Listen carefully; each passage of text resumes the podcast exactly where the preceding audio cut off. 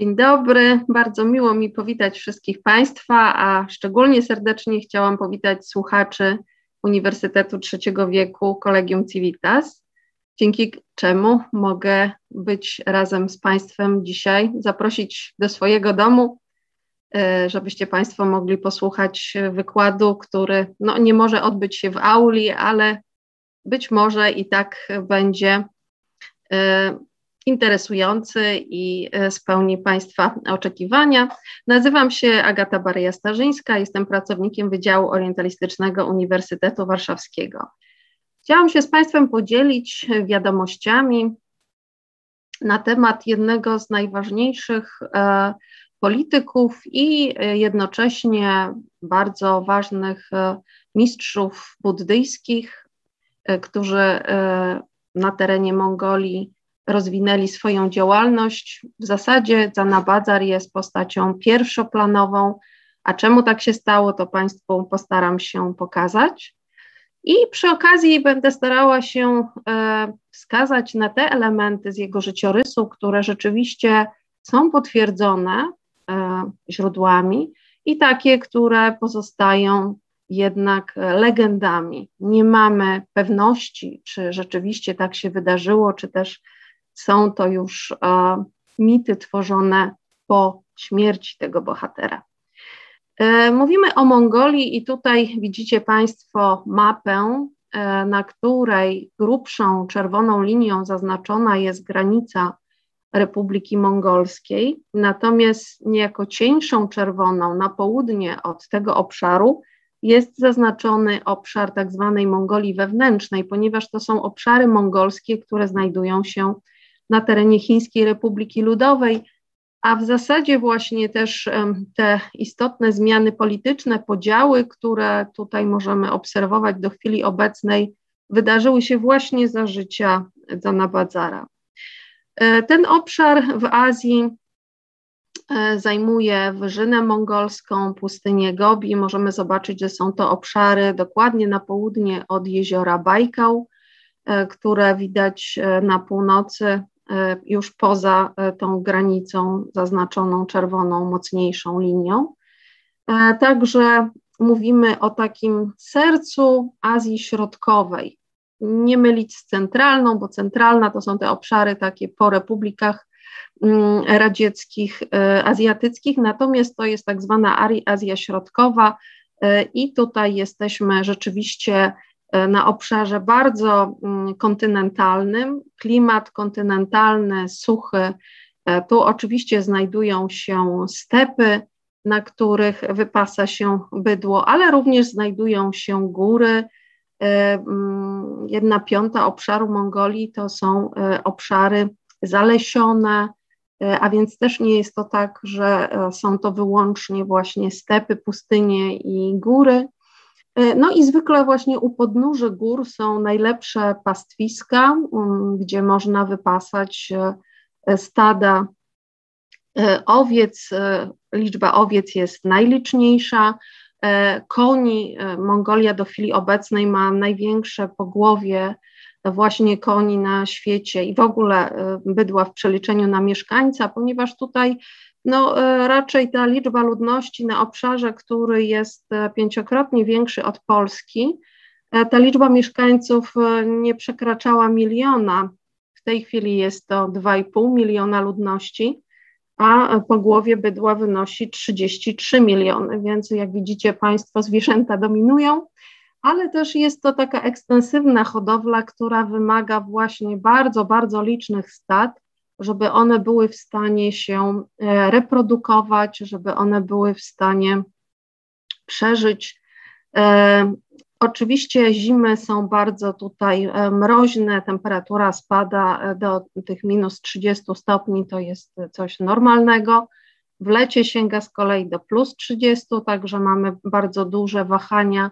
I jeśli chodzi o rok i bardzo duże też amplitudy dzienne nawet. Tu może być do 20 stopni różnica w ciągu jednego dnia. No są to oczywiście bardzo trudne warunki, ale nie wykluczające tego, że e, ludzie tutaj mieszkali. Mieszkali od wieków przed Mongołami na Wyżynie Mongolskiej również i inne ludy się znajdowały. No akurat to nie jest tematem dzisiejszych, dzisiejszego spotkania, ale elementem, który przeważa w sposobie utrzymania i życia Mongołów jest rzeczywiście ekstensywna hodowla powiązana z koczowaniem, ze zmianą zamieszkania. E, tym domem mongolskim jest jurta, którą tutaj widać. E, do chwili obecnej e, duża część ludności mongolskiej zajmuje się właśnie taką hodowlą. E, przy czym to nie jest tak, że to koczowanie polega na tym, że dzisiaj się zastanawiamy, gdzie przekoczujemy jutro. Absolutnie nie. To jest taki ruch wahadłowy w lecie i zimą jest zmiana pastwisk. Tak jak nasi górale wychodzą w lecie na hale, a zimą wracają w doliny, podobnie postępują Mongołowie. Mają swoje pastwiska zimowe i swoje pastwiska letnie. I e, nie jest to tak, że nie wiedzą, dokąd sięga pastwisko każdej rodziny. Mimo, że nie ma płotu, to każdy wie, że do tego wzgórza jest moje, a od tego wzgórza zaczyna się już e, obszar e, sąsiada. Bardzo często dochodzi właśnie do takiego wchodzenia sobie na te same pastwiska, które są najkorzystniejsze, albo mm, zwłaszcza w zimą, że y, no jest trochę walki o te najlepsze pastwiska. Y, ale mówię o tym dlatego, że również i nasz bohater mieszkał w Jurcie. Mm, zaraz y, powiem więcej o jego rodzinie. I również był związany z takim cyklem życia. Tutaj możemy zobaczyć na tym zdjęciu wyżej że e, jest jak, e, który jest zaprzężony do e, takiego wozu przewożącego dobytek. Natomiast na dolnym slajdzie widać wielbłądy, a więc właśnie mm, zwierzęta, które uczestniczyły, pomagają Mongołom w tym koczowniczym trybie życia, to oprócz koni właśnie jeszcze wielbłądy, jaki, oczywiście są też stada krów, także jest to w zasadzie taka piątka zwierząt, które, e, rodzajów zwierząt, które są e, hodowane przez e, Mongołów. I bardzo ważnym elementem kulturowym jest buddyzm tybetański, który w, z Tybetu przybył do Mongolii. W samym Tybecie ten buddyzm, który się rozwinął, jest tak zwanym buddyzmem późnoindyjskim. Jest to Mahayana, czyli wielki wóz, a więc e, taki buddyzm, który uwzględnia istnienie bodhisattwy, e, istoty, która pomaga wszystkim w dojściu do stanu Buddy. E, jest to buddyzm, który również uwzględnia praktyki tantryczne, te praktyki tantryczne, droga tantryczna wymagają nauczyciela. To nie jest buddyzm, którego można się samemu nauczyć. E, jest konieczny taki mistrz, e, który będzie wskazywał kolejne etapy nauki, który będzie przekazywał te nauki również w postaci ustnej. Znowu, nie da się tego tylko przeczytać, ale jest równie ważny przekaz ustny, który umożliwia zrozumienie przekazu pisanego, często napisanego z kolei w taki zawoalowany i sekretny sposób, że jest on niezrozumiały dla osoby, która nie, utrzym, nie, nie uzyska takiego y, przekazu ustnego. Wyjaśniam to wszystko, bo to też będzie potrzebne w zrozumieniu, jak wyglądała droga e, samego Zanabadzara, a w buddyzmie tybetańskim najbardziej nas interesuje ten aspekt, który zresztą jest innowacją i który tylko w buddyzmie tybetańskim się pojawił, mianowicie e, wiara, że taki mistrz, nauczyciel, który jest już bardzo rozwinięty duchowo, może przepowiedzieć swoją kolejną reinkarnację, czyli swoje kolejne odrodzenie. E, tutaj akurat mamy na zdjęciu Dalaj Lamy XIII i e, odrodzonego w postaci Dalaj Lamy XIV, który żyje, jest w Indiach na wychodźstwie. Gościł zresztą w Polsce kilkakrotnie, wykładał. E, a więc e, zakłada się, że można odnaleźć e, chłopca, który jest odrodzoną świadomością poprzedniego tego mistrza. Zatem szuka się takiego dziecka, które będzie wyjątkowe, które będzie, mm, to często z różnych takich wskazówek, które pozostawia ten zmarły, y, można się zorientować, w której części kraju poszukiwać e, tego dziecka. E, mm, sprawdza się listy, różne informacje. E, no i później następuje taki test, kiedy dziecko ma potwierdzić, mm, że jest właśnie tym odrodzonym lamą.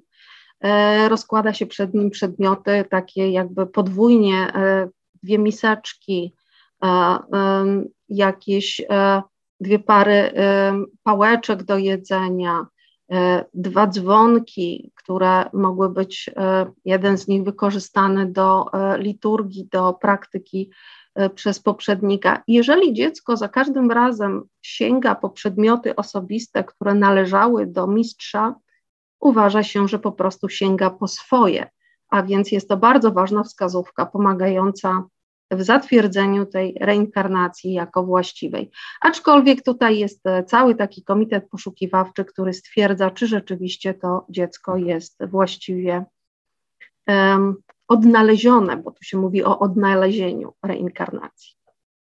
Jeśli chodzi o źródła, e, którymi dysponujemy, żeby poznać e, życiorys Zanabadzara, mamy e, w języku, je, przede wszystkim w języku tybetańskim. Najważniejsza dla nas biografia, którą troszkę będę tu cytować w tej pracy, to jest biografia napisana w 1702 roku przez ucznia Zanabadzara, który znał go osobiście, był zresztą niewiele od niego młodszy i to on, ponieważ był świadkiem wielu wydarzeń, które opisał, wobec tego no, uważamy, że jest dosyć wiarygodnym autorem, czasem wręcz e, takim bardzo obiektywnym, piszącym, że a tego to nie wiem, bo nie byłem świadkiem tych wydarzeń. I właśnie niektórych wydarzeń nie znamy. E, przez 19 lat ten uczeń Jaya Pandita e, studiował w Tybecie i w tym czasie nie był świadkiem tego, co robił Zanabadzar, jedynie dowiedział się o tym od niego potem i to też w tej biografii przekazał. Kolejne biografie powstawały już wiele, e, jak widzicie Państwo, 130 lat później, e, zawierają już różnego rodzaju elementy legendarne i budują tę legendę wokół Zanabadzara. Tutaj możemy zobaczyć, jak wygląda taka edycja. U góry jest to tylko po tybetańsku, na dole mamy taką wersję dwujęzyczną, u góry jest to zapisane po tybetańsku, a poniżej jest przekład tego tekstu na język mongolski. Mamy też biografie napisane w całości po mongolsku, dotyczące życiorysu, ale właśnie yy, no, opisujące ten życiorys, ale one powstały już właśnie w XIX wieku.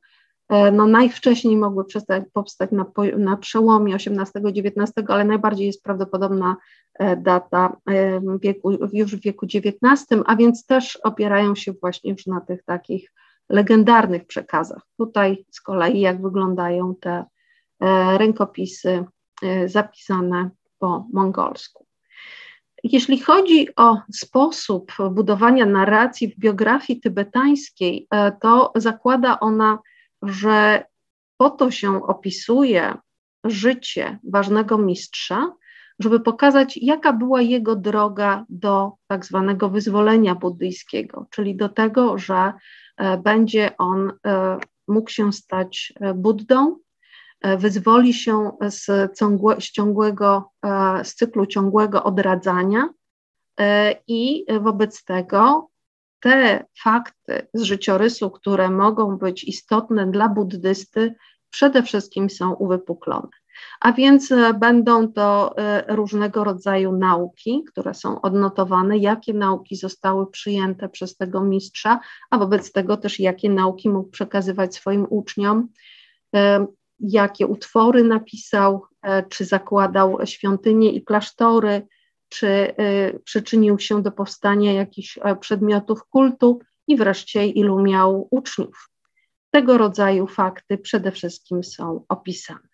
No i wreszcie miejsce urodzenia Zana Bazara. Tutaj akurat zdjęcie jest robione już późną jesienią, więc e, nie ma tych zielonych pastwisk, ale możemy zobaczyć w oddali niewielki budynek. Jest to taka kapliczka, która ma, miała powstać już współcześnie została odnowiona, ale miała powstać w miejscu, gdzie została zakopana pępowina Zana Badzara, a więc, że znamy bardzo dokładnie lokalizację, gdzie nastąpiły te e, urodziny.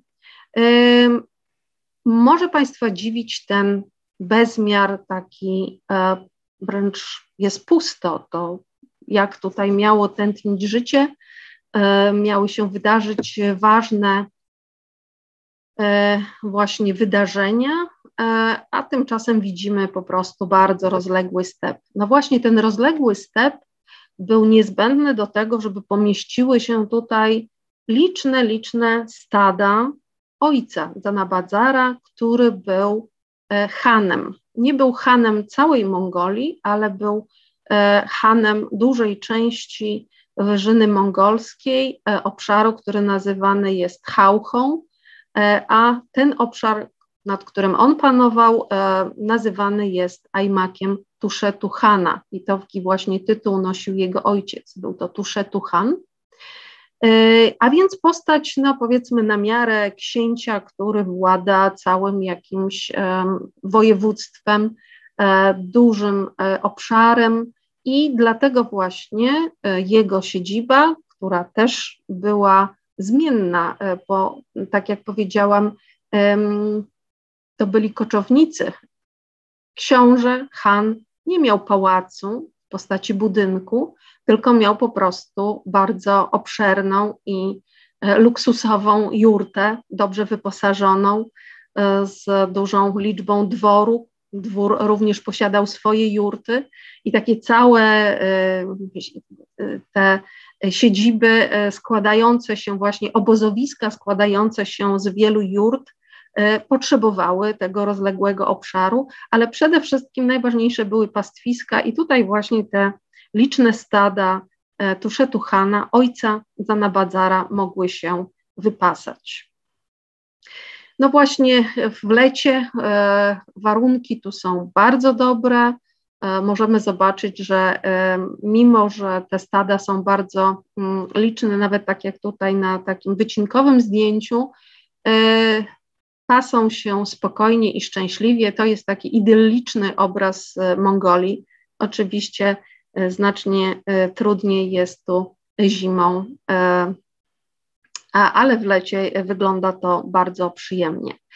Zanabadzar urodził się jesienią i mamy w biografii informację, że w momencie, kiedy już się urodził, została przestawiona jurta na nowe miejsce i mimo, że była to już właśnie zima, taki przełom jesieni i zimy, jest tutaj, że to były już zimowy miesiąc, to piękne kwiaty rozkwitły w tym miejscu, gdzie e, on się właśnie miał urodzić. Oczywiście był to jeden z takich znaków, e, że narodziło się wyjątkowe dziecko. E, ojciec Tuszetu Han, ojciec Zanabadzara, Tuszetu Han, miał już jednego syna, a więc Zanabadzar był drugi w kolei i z kolei i wobec tego starszy brat, wiadomo było, że będzie dziedziczył, że będzie kolejnym hanem. E, drugi z kolei, czyli właśnie Zanabadzar, mógł e, mieć innego rodzaju e, przyszłość i jak się dowiadujemy z biografii, no, wcześniej uznano, że należy go oddać do klasztoru, że będzie mnichem. E, ale to e, możemy e, właśnie z biografii dowiedzieć się, że przyjechał z Tybetu, z klasztoru Jampaling, mistrz, który dokonał ceremonii wyświęcenia go na mnicha, a kiedy miał 5 lat, został intronizowany. Co tu znaczy ta intronizacja? Intronizacja wskazuje na to, że e, nie był to zwykły mnich, bo on nie e, przechodzi takiej mm, ceremonii, tylko że musiał być rozpoznany jako reinkarnacja jakiegoś mistrza. Osobą, która przyjechała, żeby dokonać właśnie już wyświęcenia Zanabadzara na nie tylko na tego takiego wyznawcę buddyjskiego, ale właśnie na mnicha, e, był jeszcze ważniejszy mistrz e, tybetański, e, Bensa Tulku. Jeszcze o nim będę wspominać. Postać, która odgrywała istotną rolę nie tylko w kontaktach religijnych między Mongolią a Tybetem, ale wydaje się, że również miał pewne no być może zadania polityczne, że był osobą, która tutaj budowała taki bardzo silny sojusz opierający się na jednej ze szkół buddyzmu tybetańskiego, na szkole Gelugpa, tej samej, którą reprezentuje Dalai Lama, a ta szkoła właśnie wtedy zdobywała silną pozycję.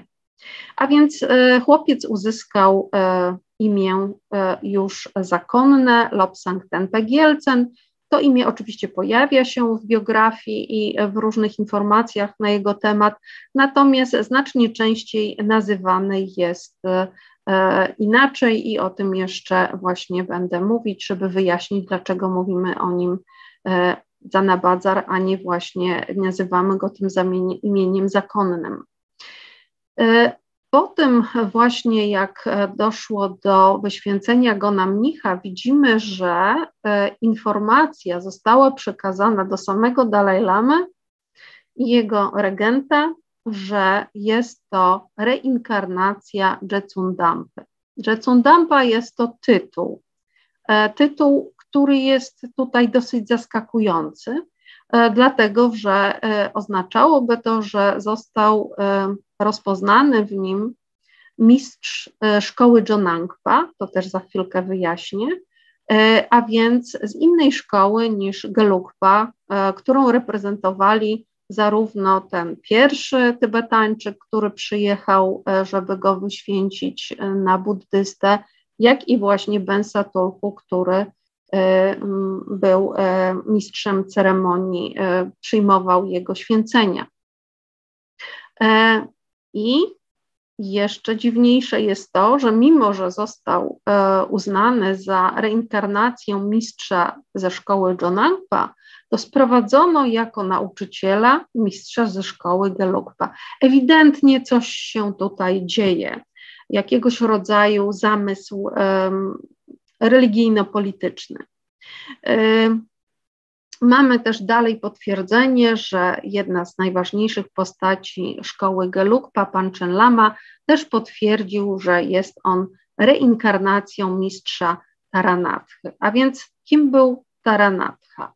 E, no, Taranatha um, był um, um, równo, znaczy Zmarł zaraz przed tym, jak e, narodził się. E, Był bardzo ważnym mistrzem szkoły Jonangpa. Tutaj też są takie obrazy pokazujące nie tylko jego, ale również jego wcześniejsze reinkarnacje i przede wszystkim jego związek e, na tym, na tym obrazie po prawej stronie mamy głównego mistrza Taranathę jako postać większą, natomiast nad nim mniejsza postać E, to jego e, duchowy nauczyciel Dolpopa. E, ta szkoła Jonangpa miała swoje, no taki ważny moment w swojej historii w XIII-XIV wieku. Właśnie Dolpopa był jedną z najważniejszych postaci tej szkoły i wykształciła ona taką teorię zwaną Shentong, e, która za czasów, o których już my teraz mówimy o XVII wieku, e, była zwalczana przez Dalaj Lamę, była zwalczana przez szkołę Gelugpa. E, tutaj mamy wizerunek właśnie Dolpopy. To jest przełom XIII i XIV wieku, kiedy ta szkoła, no, można powiedzieć, że e, była i taką nowością, i e, ta nauka e, stała się czymś i nowym, i kontrowersyjnym w łonie buddyzmu tybetańskiego. Ta teoria Shentong mówi, że nawet oświecona natura jest pozbawiona czegokolwiek. Nie ma tam nic innego, tylko taka absolutna natura czystego światła. Natomiast szkoła Gelugpa, a nasz bohater został był wykształcony przez nauczycieli ze szkoły Gelugpa, y, ma inną wykładnię pustki, mianowicie mówi ona, że jest to tak zwany rantong, czyli że y, pustka jest pozbawiona natury własnej i że wszystkie elementy rzeczywistości pozbawione są natury własnej. Są to, no powiedzmy, bardzo już takie niuanse e, dogmatów buddyjskich, ale w zasadzie jest to jedyny taki e, moment w buddyzmie tybetańskim, kiedy można mówić o różnej interpretacji właśnie e, doktryny. I wokół tego został zbudowany bardzo silny antagonizm między szkołą Jonangpa a szkołą Gelugpa. Dlatego jest bardzo zaskakujące, że e, przedstawiciele Gelugpy rozpoznają w chłopcu, który jest księciem na terenie Mongolii, Mongolii, która rozwija buddyzm tybetański, jest właśnie w takim ferworze tej przyjmowania e, religii e, buddyjskiej i jej upowszechniania, i nagle właśnie tu się okazuje, że znajduje się dziecko, które ma być e, reinkarnacją mistrza ze szkoły Jonangpa. No, Taranatha był bardzo szanowanym mistrzem Dopóki żył, e, to nawet szkoła Gelugpa nie ośmielała się jakby bezpośrednio go zaatakować. E, natomiast w momencie, kiedy zmarł, e, to właśnie przyjęła cały taki, całą taką kampanię przeciwko praktykom szkoły Jonangpa. Prawdopodobnie nie chodziło aż tak bardzo o te kwestie światopoglądowe i dogmatyczne, a bardziej chodziło o kwestie polityczne, o kwestie przejęcia klasztorów e, po e, szkole John Angpa i właśnie kiedy zaczyna się ta kampania, to e, ten nasz bohater okazuje się być reinkarnacją właśnie mistrza Taranathy. Wiemy, że jak już powiedziałam, pan Chen Lama, bardzo ważna reinkarnacja ze szkoły Gelupa, potwierdza, że rzeczywiście tak jest. Ale jednocześnie e, możemy e, w późniejszych biografiach, które opisują e, życiorys Zanabadzara, poznać trochę też więcej szczegółów na, na temat tego bohatera naszego, mianowicie na przykład wyjaśnienie, dlaczego nazywano go Zanabadzar. Otóż jest to zniekształcenie im, nazwy imienia sanskryckiego Dnia Nawajra e, i e, ono e, pojawiło się, właśnie to imię, w momencie, kiedy on przyjmował pierwsze święcenia jako buddysta. Mówi się też o tym, że wtedy dokonano takiej wróżby na podstawie ważnego utworu buddyjskiego Kalaczakra Tantry, gdzie e, to imię pojawiło się. Pojawiło się w dodatku razem z imieniem e, wskazującym właśnie Taranathę i stąd właśnie była taka wskazówka, że prawdopodobnie coś tu jest na rzeczy i że może to jest odrodzenie owego mistrza Taranathy. Natomiast w dokumentach w szkoły Gelugpa, Dalaj Lamy i Panchen Lamy Przede wszystkim ten książę mongolski jest określany nieco inaczej, jako Jamyang Tulku, czyli reinkarnacja Jamyanga, Jamyanga Chodze, który był mistrzem ze szkoły, ze szkoły Gelugpa. Czyli w jednej osobie Zanabadzara upatrywano reinkarnacji dwóch mistrzów jednocześnie. Jednym z nich był ten Taranatha ze szkoły Jonangpa, która była zwalczana przez Gelugpę, a drugim był również mistrz ze szkoły Gelugpa. Takie dwa w jednym. To jest, e, no powiedzmy, mm, normalne, e, tak może być. Być może właśnie chodziło o to, żeby kompletnie nie zignorować kontynuacji tego, tej linii przekazu szkoły Jonangpa i Taranathy, ale z drugiej strony nie odnajdować tej reinkarnacji w Tybecie, e, tylko gdzieś daleko. A więc powiedzmy w tej Mongolii to już można sobie e, tę reinkarnację odnaleźć.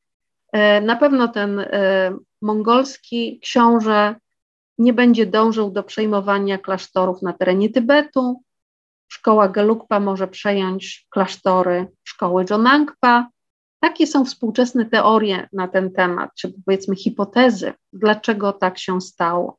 Tak czy inaczej, e, Zanabadzar, e, książę hauchaski, tytułowany był jako Jetsundampa, czyli e, reinkarnacja Taranathy w szkole e, Jonangpa i jednocześnie jako reinkarnacja ze szkoły Gelugpa, a Mongołowie zwykle określali go takim tytułem Undurgegen, czyli wysoka światłość. Bardzo dużo nazw, wiem, że one są dla Państwa bardzo egzotyczne, ale no e, tak, to było. Ja będę starała się e, trzymać e, tego jednego imienia Zanabadzar, żebyśmy się nie, nie pogubili w tym wszystkim. Do chwili obecnej czczone jest takie miejsce, taki kamień, też czy skała e, niedaleko od miejsca urodzenia e, Zanabadzara. Uważa się, że tutaj właśnie został on wyświęcony na, na mnicha i również czczone jest jezioro, przy którym miało dojść do jego intronizacji. Intronizacja nie oznacza tutaj osadzenia rzeczywiście na faktycznym, fizycznym tronie, ale oznacza e, rodzaj ceremonii, w czasie której od tego momentu uznaje się go już właśnie za tę reinkarnację, przejmuje on obowiązki tej reinkarnacji, może w imieniu tej reinkarnacji błogosławić wiernych, e, kontynuuje jego nauki i tak dalej. A więc jest to taki ważny moment e, w życiu mistrzów religijnych.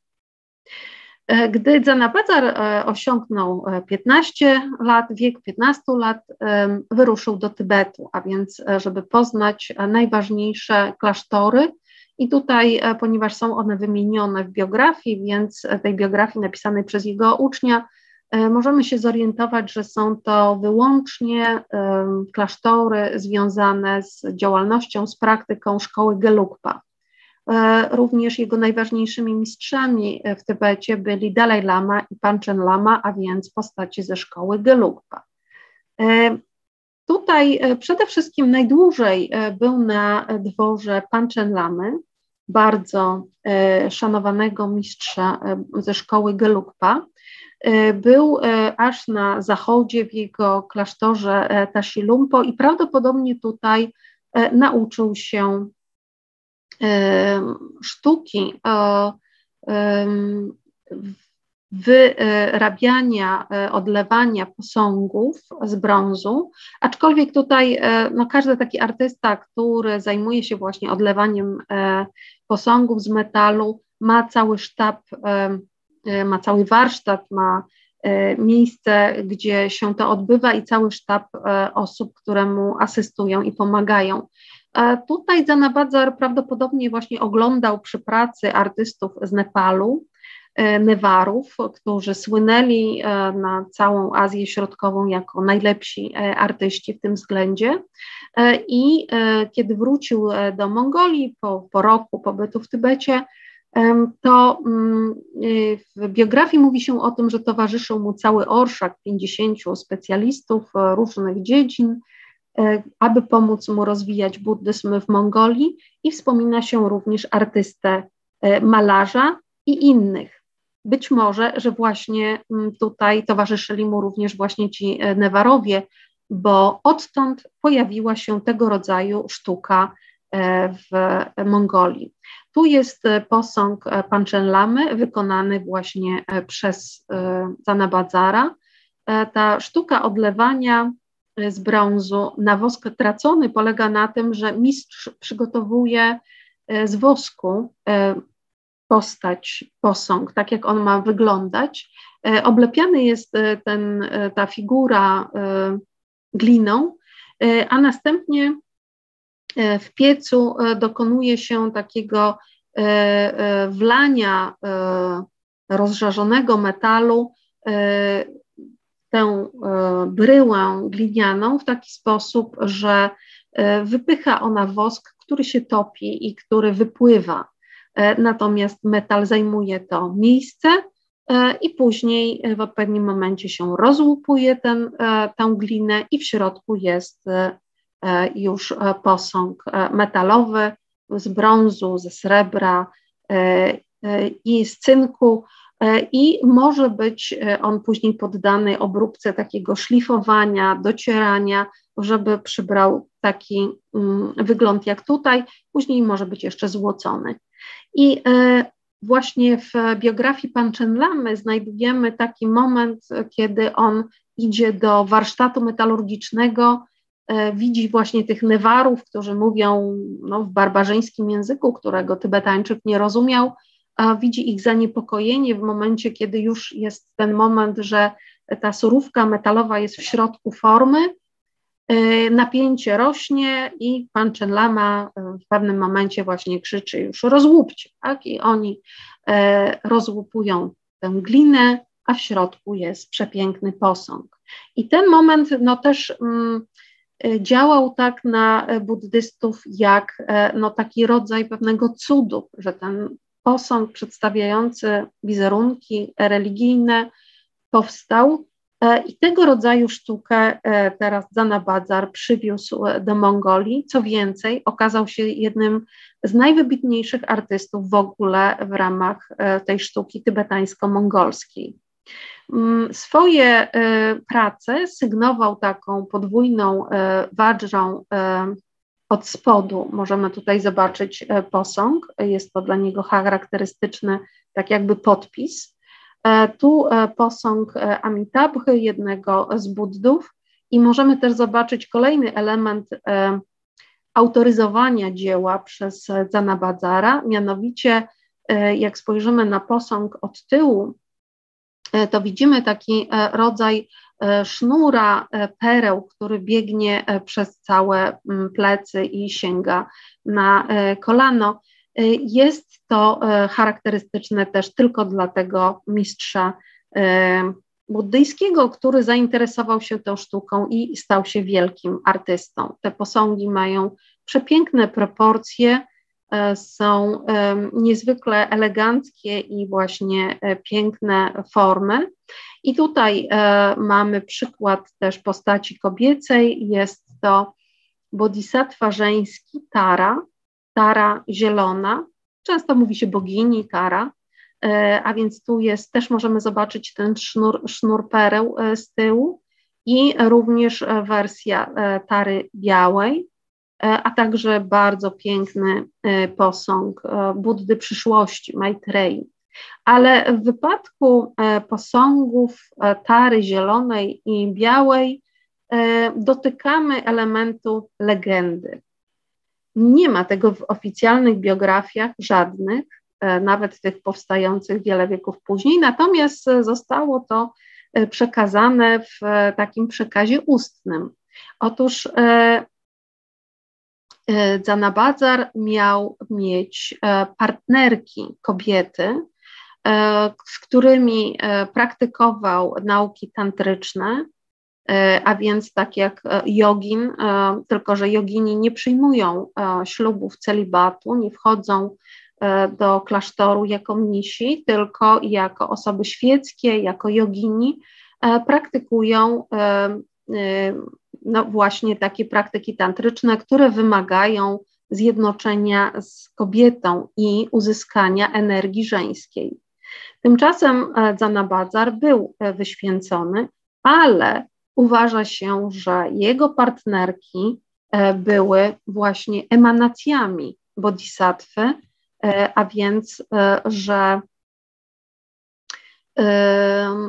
były to niezwykłe śmiertelniczki, niezwykłe kobiety, ale właśnie emanacje bogini. Tary zielonej i tary białej, tutaj możemy no też zobaczyć, tara zielona to E, kobieta e, w kwiecie wieku e, z bardzo okazałym biustem, Ta biała ma przedstawiać kobietę taką szesnastoletnią piękność, a więc w różnym wieku są tu przedstawione te partnerki.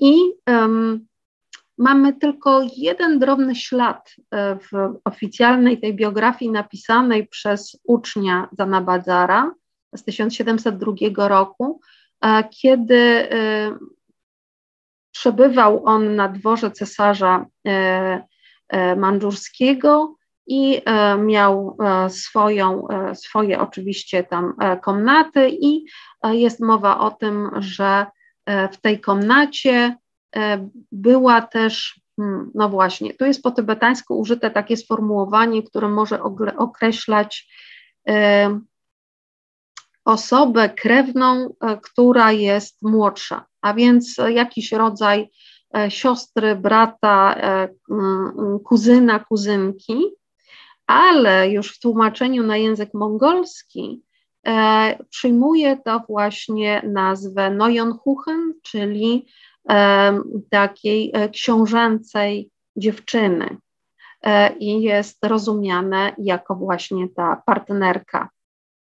Czy tak było? E, no, nie mamy innych źródeł, ale ta legenda, że Zanabazar miał partnerki, kobiety, jest bardzo mocno zakorzeniona w świadomości mongolskiej i jest traktowana wręcz jako pewnik.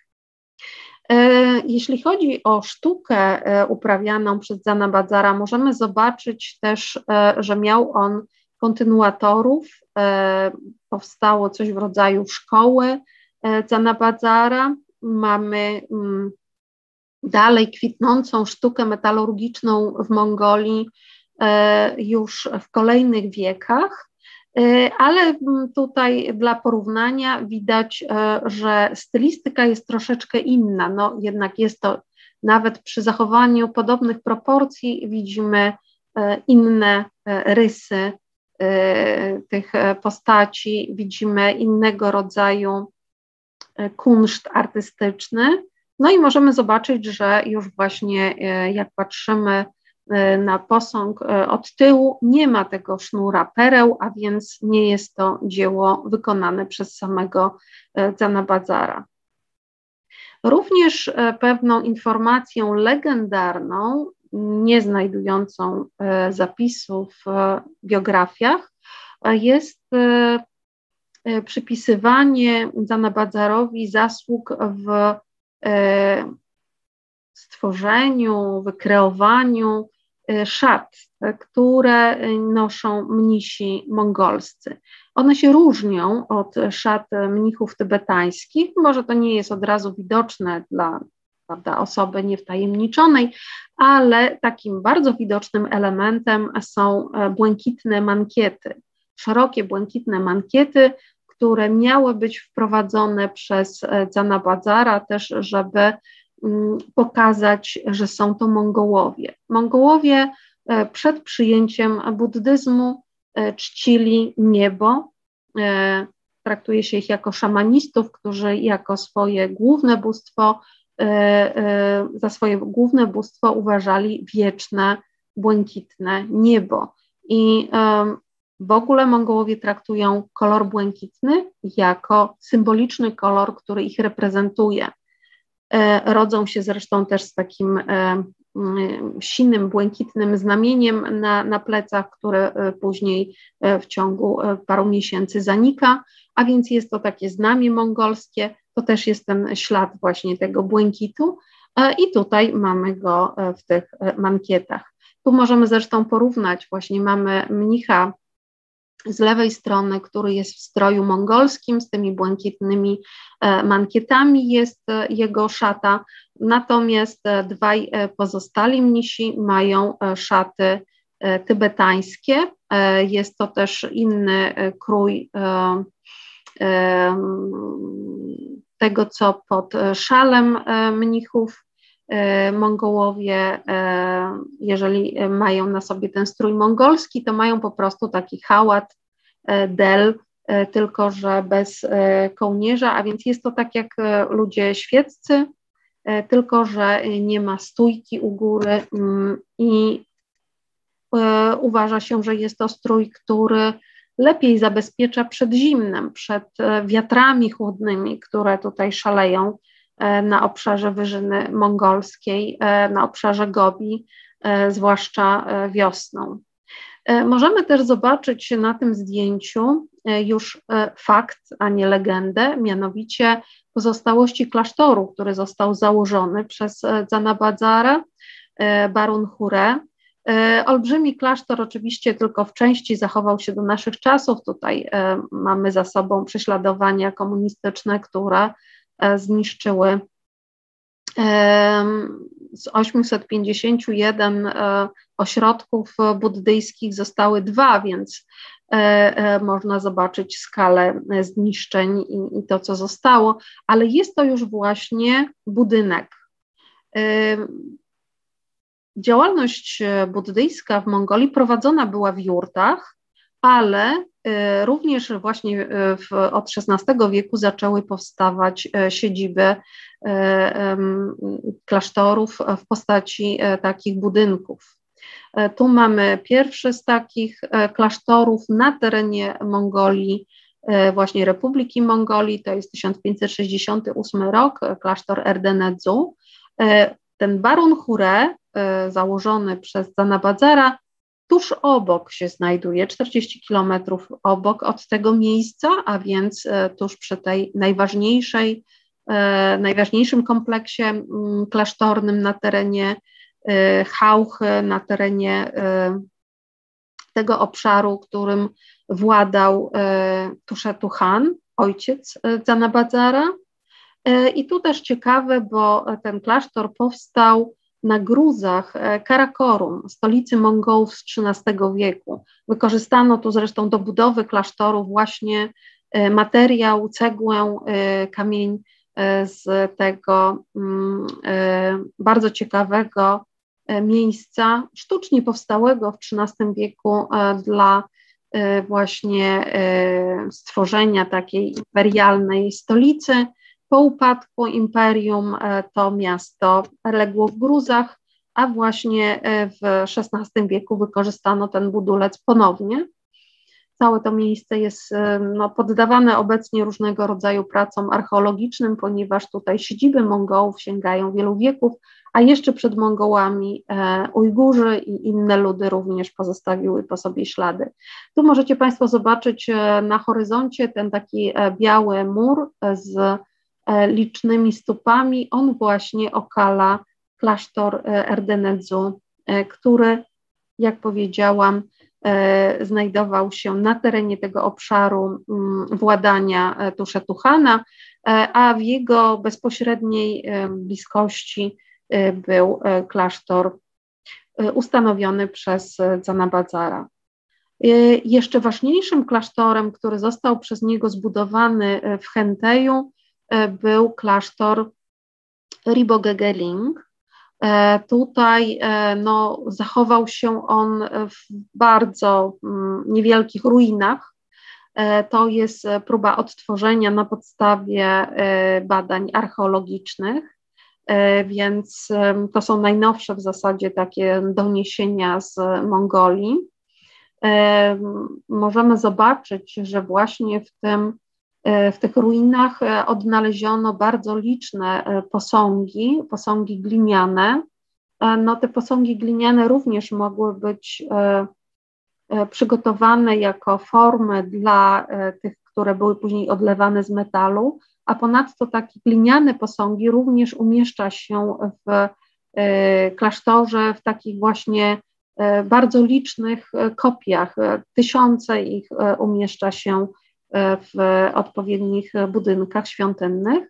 Możemy też z prawej strony zobaczyć taki olbrzymi palec od nogi Buddy, a więc tutaj musiała powstać gigantyczna rzeźba, E, przedstawiająca Buddę. E, no, ona się nie zachowała, e, była przygotowana właśnie z gliny i najwyraźniej tylko ten ślad się po niej zachował przez wieki. a niestety cały klasztor został kompletnie zniszczony. Ta stylistyka, którą tu widzimy, świadczy ewidentnie, że też to były, był w niej udział właśnie Zanabadzara. Jeszcze jedną ważną pamiątką po nim, której nie ma jakby na ziemi, ale został obecnie ustanowiony taki obelisk, który e, mają e, upamiętnić. E, to jest miejsce po siedzibie Zanabadzara, która była traktowana jako pierwsza stolica. Mianowicie było to takie obozowisko, znaczy pierwsza stolica która obecnie ma swoje miejsce jako Ulan Bator, a więc już nie ta starożytna stolica Karakorum, tylko właśnie obozowisko Canabadzara zaczęło być traktowane jako e, stolica e, i e, ono również zmieniało swoje położenie, bo było to obozowisko w jurtach. Niemniej udało się ustalić, gdzie to obozowisko takie ważne e, znajdowało się i to miejsce traktowane jest jako e, pierwsza siedziba e, obecnej stolicy Ulaanbatoru. Zanabadzar był również bardzo kreatywny, jeśli chodzi o um, tworzenie pism. Dwa pisma zostały przez niego stworzone. Pismo kwadratowe, które jest pismem poziomym, horyzontalnym różni się od pisma kwadratowego, które powstało w XIII wieku. E, tam to pisane jest pionową. E, jest, duża, jest duże podobieństwo w kształcie, niemniej tutaj e, mamy no, też taką nowość. To pismo mogło powstać dlatego, że w praktykach tantrycznych ważnym elementem jest wypowiadanie mantr, a więc takiego rodzaju zaklęć, które mają spowodować zmianę w rzeczywistości. E, I najsłynniejszą z takich mantr jest Om Mani Padme Hum. E, mantry wszystkie są stworzone w sanskrycie. Natomiast pismo mongolskie nie daje możliwości zapisu sanskrytu w taki sposób, żeby właściwie taką mantrę odczytać. E, wobec tego przez stworzenie pisma, które by umożliwiało bezbłędne odczytanie mantry, prawdopodobnie mm, na właśnie Zanabadzar e, chciał wspomóc e, praktykę buddyjską w Mongolii. E, to pismo kwadratowe było wykorzystywane dla trzech języków, a więc dla sanskrytu, dla tybetańskiego i dla języka mongolskiego. Kolejne pismo, które zostało przez niego stworzone, to pismo Sojombo, Tutaj akurat jest zapisany właśnie jego tytuł Undergegen i e, ten Zanabadzar e, w tym właśnie piśmie. To pismo Sojombo e, jeszcze stało się ważniejsze, ponieważ element tego pisma jest do chwili obecnej zaświadczony na fladze mongolskiej. A więc tutaj widzimy, że bardzo wiele elementów związanych z Zanabadzarem ma konsekwencje dla Mongołów do chwili e, obecnej.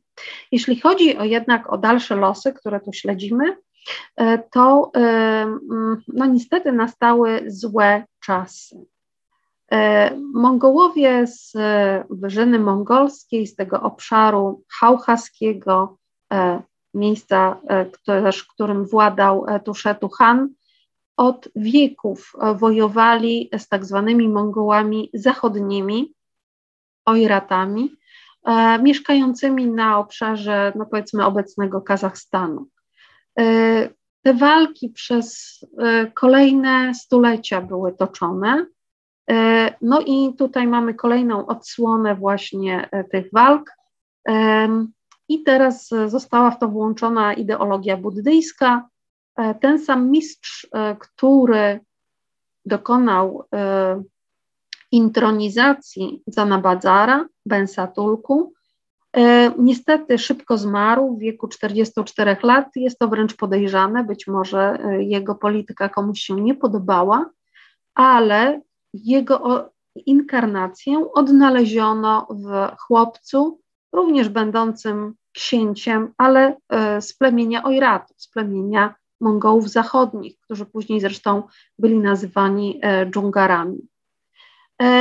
Galdan spędził wiele lat w Tybecie, tam się wykształcił, też przyjął śluby zakonne i planowano, że będzie właśnie ważnym mistrzem, tą reinkarnacją Bensatulku, że będzie no, analogicznie do Zanabadzara rozwijał buddyzm na terenie Mongołów, e, wśród Mongołów zachodnich. Ale jego brat, który był e, władcą, e, został zabity, został zamordowany no, w okolicznościach przy okazji tych ciągłych walk między Mongołami wschodnimi a zachodnimi. W takiej sytuacji Galdan oddał śluby zakonne i wrócił do życia świeckiego. Co więcej, no, stał się ważnym władcą właśnie tych Mongołów zachodnich. Otrzymał taki e, tytuł Bushuktu Hana, czyli Hana, który ma prawo, ma edykt, ma e, e, nadanie do bycia Hanem i no, rozpoczął rywalizację e, właśnie z Hałhasami. E, upatrzył sobie Zanabadzara jako wręcz swojego osobistego wroga, e, ponieważ no właśnie pozycja Zanabadzara wśród Hałhasów rosła. Galdanowi się to nie podobało, uważał, że Zanabadzar stoi za różnymi wydarzeniami o charakterze dyplomatycznym, które prowadzono z jego udziałem. E, Galdan, który uważał, że powinien stać na straży e, właściwego e, szacunku dla Dalaj Lamy, zaczął strofować Zanabadzara, że on niewłaściwie odniósł się do przedstawiciela Dalaj, Lama podczas, Dalaj Lamy podczas spotkania i tak dalej. No był to pretekst, pretekst do najechania Hałhasu. Ten najazd odbył się w 1688 roku trwał kilka lat. E, w czasie tego najazdu kompletnie zniszczono właśnie ten klasztor, e, który Państwu pokazywałam, e, klasztor Ribogegeling, częściowo również klasztor Baron Hure. A więc możecie Państwo pytać, o co chodzi tu. Jakby jedni buddyści najeżdżają drugich buddystów. Owszem, buddyści nie, mm, jakby jak wszędzie na świecie, głosili hasła E, braku przemocy, że jest to niewłaściwe, ale faktycznie znajdowali różnego rodzaju preteksty, żeby właśnie wykazać, że należy kogoś e, strofować za niewłaściwe e, zachowanie, a w tle są stare porachunki. Mongołowie z obszaru Tuszetu Hana, z obszaru tego Ajmaku Tuszetu Hana musieli uciekać. Uciekali na południe do Mongolii tak zwanej teraz wschodniej, przepraszam, e, wewnętrznej e, i e, niestety musieli przyjąć władzę Mandżurów. Tutaj chciałam Państwu pokazać na mapie ten obszar Tuszetuchana, tu jest zaznaczony jako Northern Yuan i mamy takie dwie strzałeczki na obszar Ordosu i na obszar Sunit E, to są Mongołowie właśnie z tego obszaru Mongolii e, wewnętrznej, ale ona w tym momencie niejako powstaje. To znaczy Mandżurowie e, najechali w latach 30., zdobyli wiele obszarów Mongolii, właśnie tej południowej, i stworzyli z niej Mongolię wewnętrzną, a teraz również Hałhasi musieli tutaj uciekać na te obszary, i to nie była ucieczka kilkudziesięciu osób, to się mówi o stu tysiącach, a więc naprawdę o e, ucieczce całego, mm, całego tego e, Ajmaku, całego regionu czy województwa. Po prostu e, wszyscy zabierali swoje jurty i ze swoimi stadami ruszyli na południe. A więc tutaj akurat ta mobilność mongolska daje takie możliwości. Nie zostali wyrżnięci w pień, nie zostali zniszczeni, eksterminowani, natomiast mogli uciec e, na inne obszary, no ale tutaj e, ze względu na to, że już się pojawili Mandżurowie jako władcy tych obszarów, uzyskali zgodę cesarza na pobyt wśród Mongołów w Mongolii wewnętrznej i sami musieli mm, przyjąć pewną władzę cesarza mandżurskiego, który rozprawił się z Galdanem, który pokonał Dżungarów i około 1702 roku Hałhasi wrócili na te swoje ziemie, a więc tutaj też mamy tą informację, że Zanabadzar no, wraz z swoimi mnichami, z bratem, który był władcą, ze wszystkimi poddanymi wrócili na początku XVIII wieku z powrotem na swoje tereny, ale nie mogliby, gdyby cesarz mandżurski nie zwalczył e, tej potęgi dżungarskiej i e, dlatego e, musieli przyjąć pewnego rodzaju zwierzchność. Ta Mongolia, nie będąca pod, bezpośrednim administra- pod bezpośrednią administracją mandżurską, stała się autonomią, więc mamy taką Mongolię zewnętrzną i Mongolię wewnętrzną w obrębie państwa E, mandżurskiego. E, była to nowa dynastia Qing na terenie Chin. Dla spraw, e, aha, jeszcze może jeden ważny, przepraszam, element. W tym 1691 roku, kiedy Mongołowie przyjęli rodzaj zwierzchności od Mandżurów, Zanabadzar ich reprezentował. Dlaczego on, a nie jego brat, który był Hanem? A tutaj e, prawdopodobnie właśnie cesarz mandżurski widział, że Zanamadzar ma większy autorytet przez to, że jest jednocześnie nauczycielem buddyjskim, że jest lamą. E, podobnie jak Dalaj Lama w Tybecie, który e, od połowy XVII wieku stał się władcą hierokratycznym, sprawował i władzę polityczną, i jednocześnie był cały czas hierarchą w obrębie szkoły Gelugpa. E, no, podobny sposób um, widzenia w autorytecie religijnym osoby, która ma większy zakręt, zasięg, zakres oddziaływania prawdopodobnie tu się pojawił i takie przerzucenie tego autorytetu politycznego również na barki Zanabadzara. Czy on sam tego chciał? Prawdopodobnie nie. Z biografii e, jego ucznia wynika, że raczej e, chciałby się poświęcić tylko sprawom religijnym, sprawom artystycznym, no ale sytuacja polityczna wymagała od niego również innych zachowań. E, wspominałam o tym, że w biografiach buddyjskich ważne jest E, zwrócenie uwagi na uczniów, a tutaj mówi się, że mm, Zanabadzar miał 2000 uczniów, no to może być po prostu taka okrągła liczba. Rzeczywiście cesarz e, mandżurski, cesarz Kansi e, również korzystał z jego wsparcia duchowego. Mamy o tym, na ten temat informacje.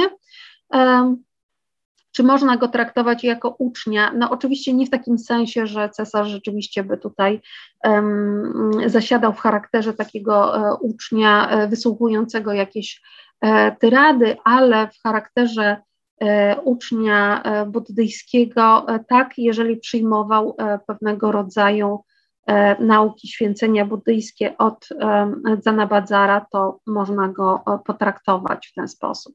Znacznie ważniejsze byli jednak, e, było jednak to, że miał on tak zwanych synów duchowych, tych najbliższych współpracowników, uczniów. Jest ich około trzydziestki, tu przepraszam, tak, i wszyscy ci, którzy tu są wymienieni, stali się później też mistrzami buddyzmu, a więc od tego jednego Zanabadzara rozprzestrzenił się buddyzm e, właśnie w takim wydaniu tybetańskim.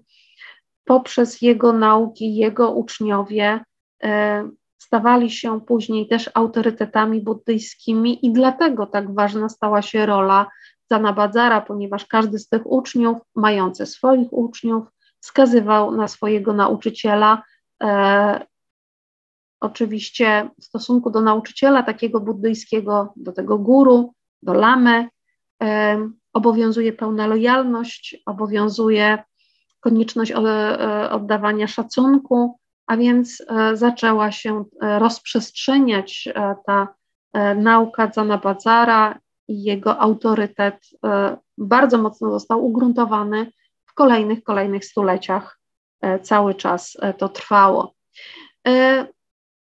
Zanabadzar żył długo, zmarł ostatecznie właśnie też wezwany przez cesarza Kansi, który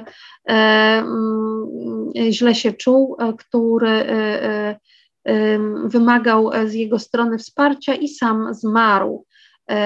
Niektórzy uważają, że to nie była śmierć naturalna, ale z drugiej strony no był on już wtedy w podeszłym wieku, a więc e, e, mogła to być e, równie dobrze śmierć naturalna.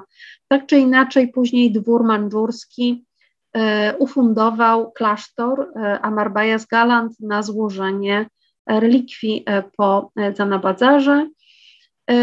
Czy one przetrwały do czasów dzisiejszych, nie wiemy, ponieważ ten e, obszar również został zniszczony w okresie komunistycznym, aczkolwiek nie, nie kompletnie, także dało się go odbudować i obecnie wygląda tak jak tu na tym zdjęciu. E, pozostały również malowidła pod Zanabadzarze, które Niektórzy przypisują mu, e, że są to jego autorstwa, no ale są tu bardzo duże wątpliwości, bo jednak on się nie zajmował malarstwem, tylko rzeźbą. Również stylistycznie można zobaczyć, że raczej to są wpływy takiego malarstwa również chińskiego. Zupełnie nietypowe jest przedstawienie matki Zanabadzara, czegoś takiego w buddyzmie tybetańskim raczej nie stosowano, e, a więc tutaj są wokół tego wątpliwości. E, podsumowując, działalność Zanabadzara, no oczywiście był on nauczycielem buddyjskim, o olbrzymim autorytecie, który rósł.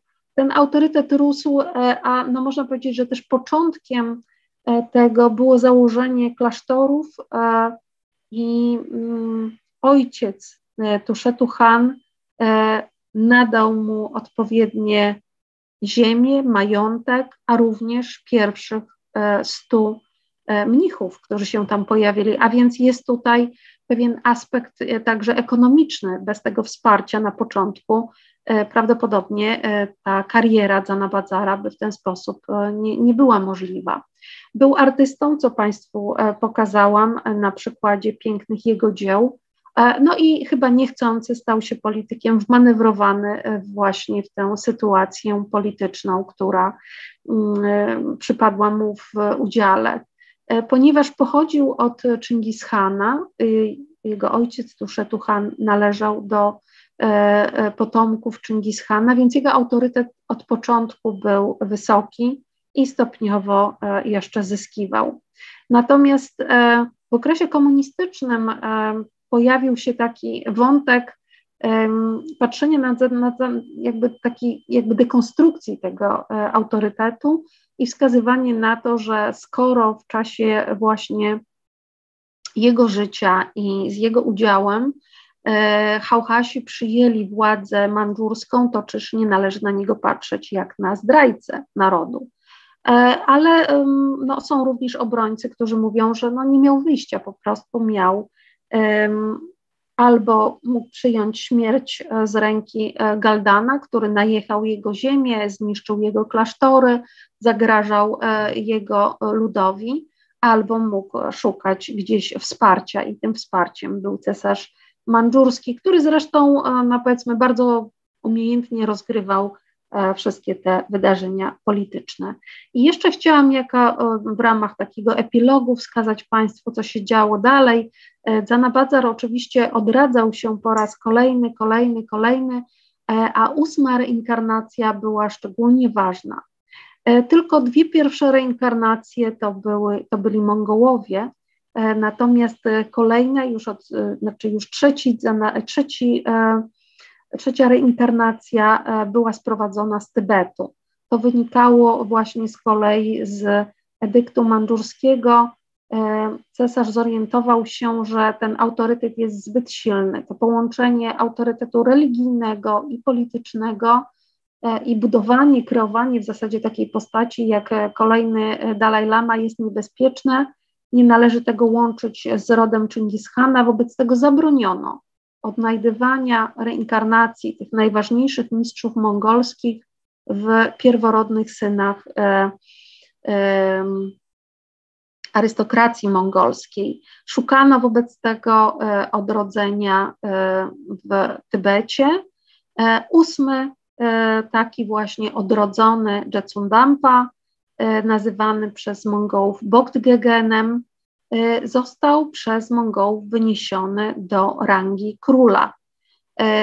Był to 1911 rok, gdy upadła dynastia Qing, dynastia mandżurska i Mongołowie zobaczyli szansę na niepodległość, proklamowali niepodległą Mongolię i wybrali właśnie Bogd Gegena jako e, swojego Hana, a więc stał się Bogd Hanem i e, do 1924 roku żył, aczkolwiek w 1921 e, wydarzyła się rewolucja ludowa, która odsunęła go w dużym stopniu od y, władzy. Y, ważnym czy ciekawym aspektem jego życiorysu z kolei było to, że miał on partnerkę. Nie była ona taką legalną żoną, nie odbyły się takie legalne zaślubiny z posagiem, z różnymi ceremoniami, natomiast była partnerką, która została też intronizowana, a więc była też osobą mającą status polityczny i oficjalny. E, to była Mongołka e, i była ona traktowana jako emanacja białej dary. Nawiązywano tutaj właśnie do tej legendy też o Zanabadzarze, który miał mieć e, partnerki i nie stanowiło to powiedzmy jakiegoś problemu dla Mongołów. Było to natomiast kontestowane przez Dalaj Lamę, który uważał, że jednak stanowi to pogwałcenie ślubów e, zakonnych przyjętych przez e, Bogt Gegena, e, kiedy stał się mnichem i te powinien zachowywać śluby celibatu. Także tutaj mamy takie też pewne kontrowersje wokół tej sprawy. Bardzo czczony jest do chwili obecnej. Tu możemy zobaczyć taki indywidualny, osobisty ołtarz, gdzie jego wizerunek jest umieszczony e, tutaj, e, drugi od e, prawej strony. No i również dziewiąta reinkarnacja pojawiła się, mimo że było to zabronione przez komunistyczną Mongolię, odnaleziono w Tybecie kolejną reinkarnację.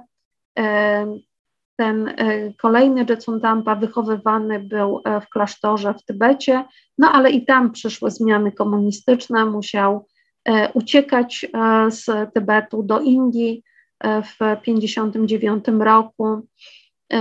Zeświadczył się, miał, założył rodzinę, zresztą doczekał się licznego potomstwa, ale w ostatnich latach swojego życia znów wrócił do mm, tego życia mnicha E, został e, ponownie e, zatwierdzony jako prawidłowa, właściwa reinkarnacja Jetson Dampy, a więc Zanabadzara przez Dalaj Lamę. Przyjechał do Mongolii, sprawował w niej ważne funkcje religijne, w Mongolii zresztą zmarł. Kolejna reinkarnacja jest w zasadzie już odnaleziona w Mongolii, w mongolskim chłopcu. Na razie E, jej e, dane są utrzymywane w tajemnicy. E, no i jeszcze tu tylko dodam, że właśnie dziewiąty Jetson Dampa ponownie został uznany za spadkobiercę zarówno tradycji Jonangpa, jak i Gelugpa, a więc znowu dwa w jednym zostało połączone tutaj w praktykach przekazywanych, w naukach przekazywanych przez tego lamę. I na tym zakończę. Dziękuję pięknie. Jeżeli macie Państwo pytania, mamy jeszcze kwadrans. Mhm.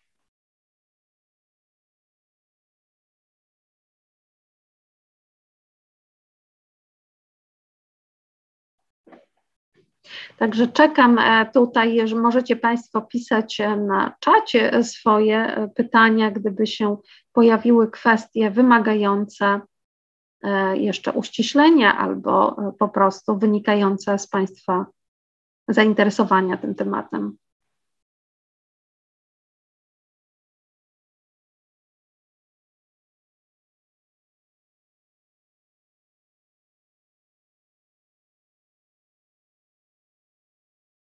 Od 1990 roku w Mongolii mamy mm, e, przemiany demokratyczne, które umożliwiły ponowne odrodzenie buddyzmu. Rzeczywiście on no, nigdy kompletnie nie zanikł, tlił się w takim podziemnym nurcie.